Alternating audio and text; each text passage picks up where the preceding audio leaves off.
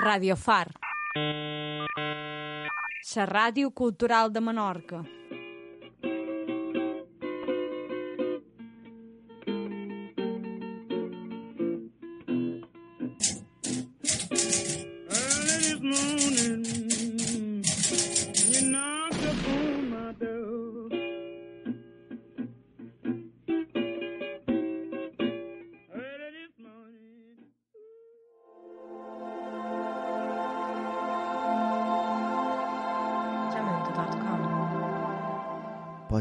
Sa vida m'hagi colpejat, però encara no ha aconseguit esborrar-me es somriure.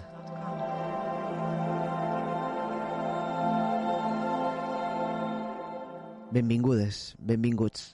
Hola a tothom. Fa unes setmanes mos amb tema que un ciutadellenc havia guanyat una milionada amb la loteria. Dient això, no me vull referir a l'enveja, que, bueno, eh, sent sincer, un poc d'enveja sí que fa, sinó que me vull referir a aquest tòpic, que la vida és una loteria, però matisant, una loteria malparida. Com deia Forrest Gump, la vida és com una caixa de bombons, mai saps el que te pot tocar. Te pot tocar riquesa o pobresa, salut o malaltia, una família decent o espantosa, etc, etc, etc, fins a l'infinit. Nosaltres mos fixarem en aquesta cita que obre el programa del psicòleg espanyol Francis Castell per centrar-nos amb la gent que no ha tingut gaire sort en aquesta loteria de sa vida que en tost de ser premiada ha estat, eh, crec que podríem dir, eh, castigada. I quan les condicions de la teva vida no te són gaire favorables, què et suposa que has de fer? Rellam avui de pobresa, de famílies disfuncionals i de superació, amb una novel·la diferent, com no, molt potent, en ocasions incòmoda, però carregada d'una enorme tendresa. Rellam avui de Ses cosines, d'Aurora Venturini. Comença aquest capítol titulat Maneres de sortir de l'infern. Jo som en Xec Pons i això és Biblioteca Fric. Nos conocimos ayer, tú me invitaste a beber, yo te invité a no sé qué, tú dijiste que bien y te hablé de poesía por ver qué decías, que si es tontería, que sí, que no. Habrá que hacer el amor.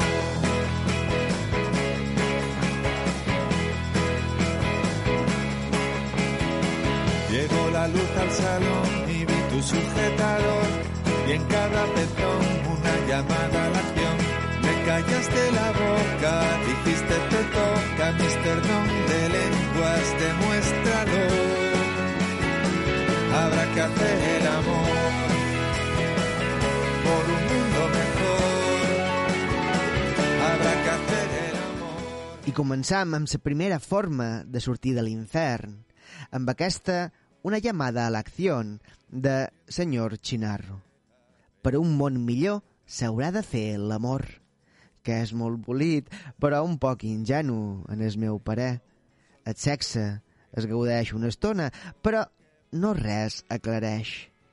Com anar a comprar qualque cosa que t'agrada per sentir-te millor, per després donar-te compte que segueixes igual, però amb menys duros.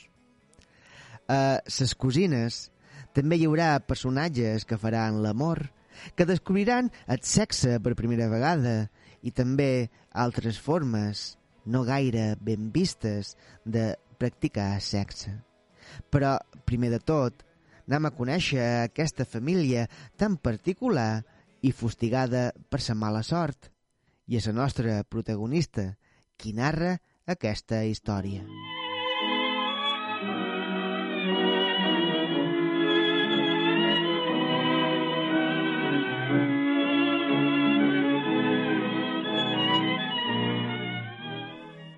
Ses cosines mos trasllada a La Plata, Argentina, a mitjans del segle XX, per mostrar-nos el món tortuós d'una família disfuncional, de classe baixa, que viuen en una caseta sense homes i plena de dones caracteritzades, quasi totes elles, per minusvàlues i deformitats físiques i mentals.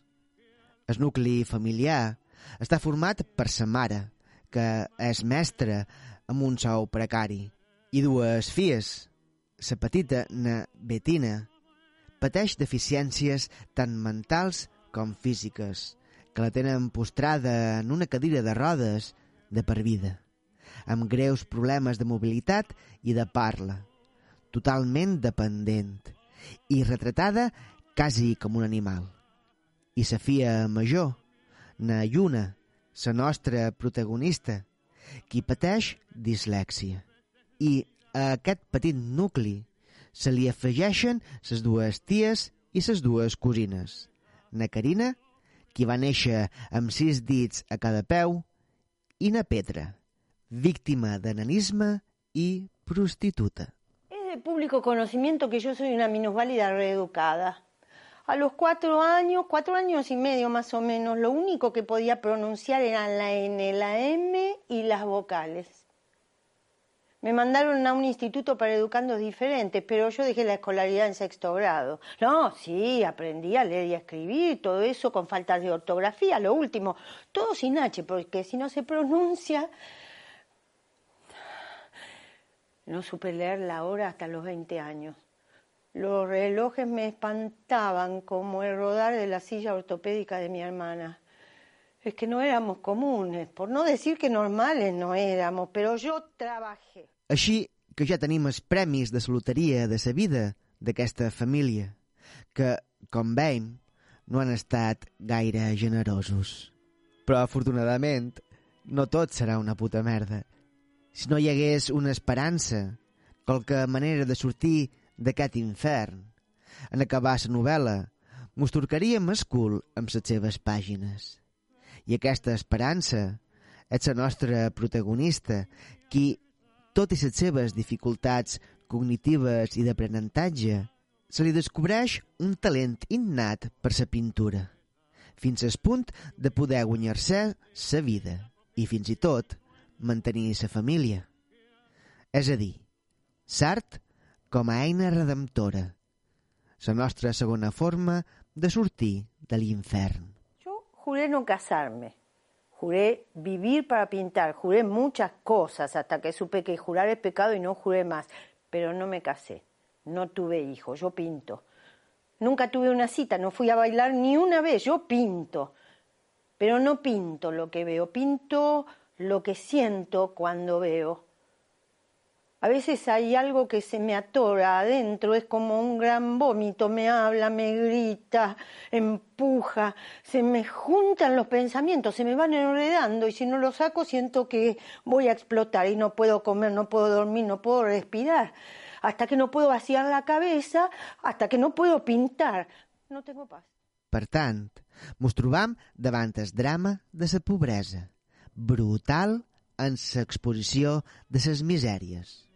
Una història plena de dificultats, violència masclista, homes abusadors que esquincen el cos de sa dona, violacions, embarassos no desitjats, avortaments, assassinats, prostitució, gent dolenta, normalment homus, una altra vegada, i una crueltat que frega sa monstruositat. Tot bastant pessimista, la veritat. Afortunadament, aquestes dones, malaltes i maltractades, tenen una barra d'energia infinita, una força extraordinària amb la que són capaces de mostrar el dit d'enmig de sa mà a aquestes provocacions. Se'n riuen en veu alta. Un humor, generalment bastant negre, que neix, sobretot, de la desesperació. Por ejemplo, creía que el diccionario me beneficiaba y guardaba cada una de las palabras que no encontraba en él. Cada una las guardaba en mente. Así día a día mi vocabulario se fue enriqueciendo, pero al ser expelida por mi boca, la palabra hablada se imbecilizaba. I tot això explicat per sa veu inconfusible de la nostra protagonista i narradora. Una primera persona qui contempla el món amb una mirada innocent i somiadora i alhora brutal i brillant. Una veu àvida de coneixement que intenta superar ses mancances orals. El seu vocabulari és escàs, buscant paraules en el diccionari per completar ses frases, per després dir on les ha trobades. De forma naïf, sí, però que mos deixa despoats de grata sorpresa. Un llenguatge atropellat, aliè a la correcció gramatical i política, evitant en molts casos una correcta puntuació, perquè, i aquí cit, puntuar és cansat, creant així una escriptura quasi deforme, però alhora juganera i divertida. Una escriptura que, en el fons, no és més que la construcció d'una existència. De no haber sido medio minusválida, yo no debería descansar, pero cada punto, cada coma, cada punto y coma imprescindible cuando hablo llena mi cabeza de visiones y pensares increíbles que me superan y me duele el cerebro. Sí, creo que es el cerebro lo que me duele. Y el cerebro es lo más enfermo y debilucho de toda mi inútil familia. Y yo sé que no debería expresarme así, pero yo siempre quise ser normal del todo. Ses cosines és una novel·la radical, onírica i delirant, que transita entre lo autobiogràfic i el passeig desvergonyit en un museu d'una intimitat. Una novel·la fascinant i desconcertant, que descriu a la perfecció la mitologia del barri, la seva vida, que molt bé podrien ser els nostres carrers, que mos ratlla de sexualitat femenina i de sa dona i que no està un pèl en la seva despietada i corrosiva descripció de sa família, perquè, eh, bueno, el món familiar és molt particular, molt seu, i encara que la loteria de sa vida mos hagi premiat amb una família relativament decent, hi ha vegades que te creus en un manicomi.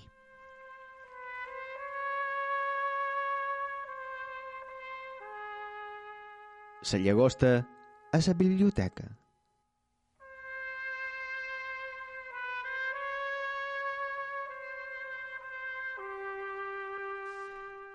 I aquesta setmana, l'algoritme del nostre crustaci de l'amor ha emparellat aquestes cosines tan peculiars amb Leolo, de Jean-Claude Lauzon.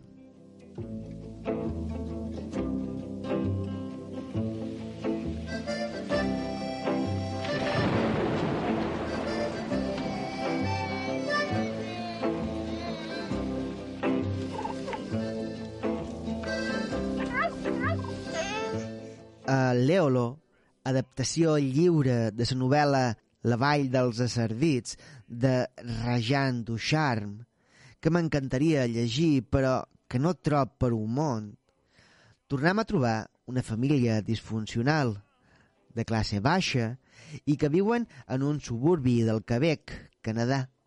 Tenim un pare obsessionat per la salut intestinal de tota la família, un fill gran culturista presoner de sa por, dues filles amb trastorns mentals, un avi a qui ningú fa cas i una mare enorme qui domina aquest microcosmos familiar.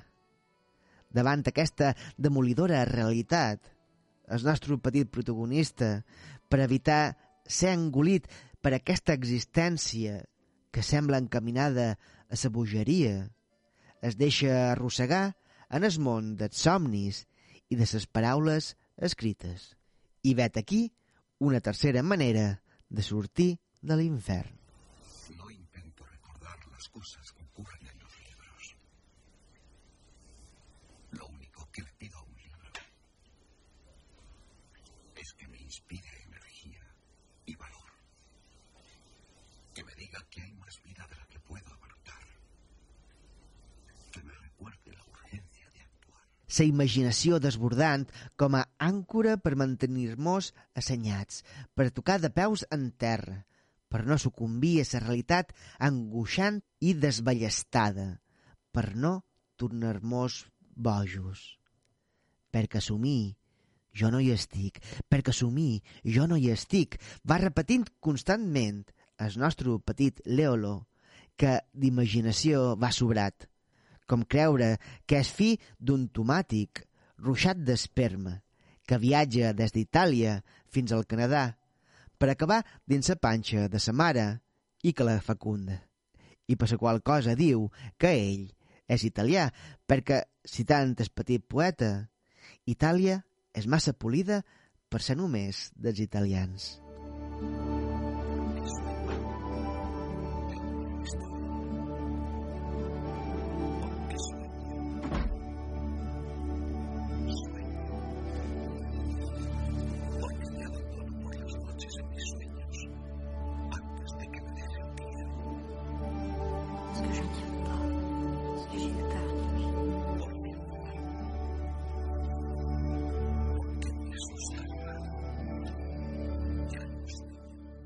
Si s'ha de definir la pel·lícula de qualque manera, aquesta és amb poesia.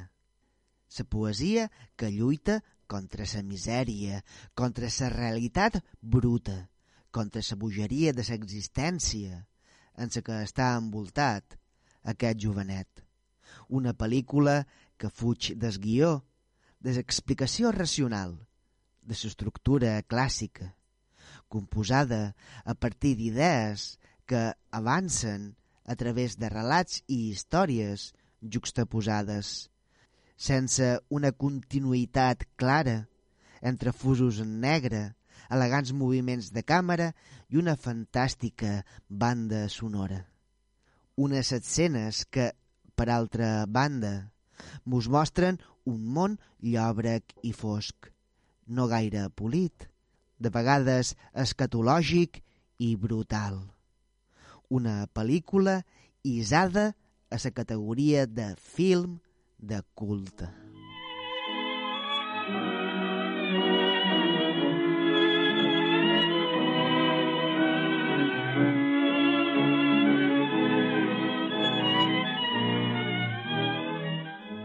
Segons la xarxa europea de lluita contra la pobresa i l'exclusió social, el 2021, en el nostre país, més de 13 milions de persones, un 27,8% de la població espanyola, vivien en risc de pobresa o d'exclusió social, de les quals quasi 5 milions, un 10,3%, vivien en la pobresa severa. En aquest any d'Escarralla s'informa, la renta del 20% més ric de la població era 6,2 vegades més elevada que la del 20% més pobra. Per lo que es veu, hi ha gent que crisis i pandèmies per a les seves arques els hi va fenomenal. y importa perderme mil veces la vida? ¿Para qué vivir? I fins aquí el capítol d'avui, la moralitat del qual podria ser ben mirat, tenim molta sort. Fa molts anys, fent feina en el bar del poble, a la barca, un dels clients assidus em va llegir a la mà. Tu tens molta sort, eh? Em va dir, com amb un poc d'enveja. I, joder, es ve, tinc família i amics que encara no em donen per perdut i que accepten la meva bogeria. Tinc duros suficients per comprar qualque llibre de tant en tant i per un plat a taula. I no negaré que estic com un porc a punt de porquetjades, que de vegades la soledat és fotuda, que tinc cosetes de sedat i que hauria de deixar de fumar, però en el fons estic, diré, estable. Deim adeu amb la vitalista màgic de Xucho, perquè el millor encara està per venir. I no me referesc en el cotxe volador ni en el 6G. Moltes gràcies per escoltar-nos i fins la pròxima. Mos veiem en les paraules escrites.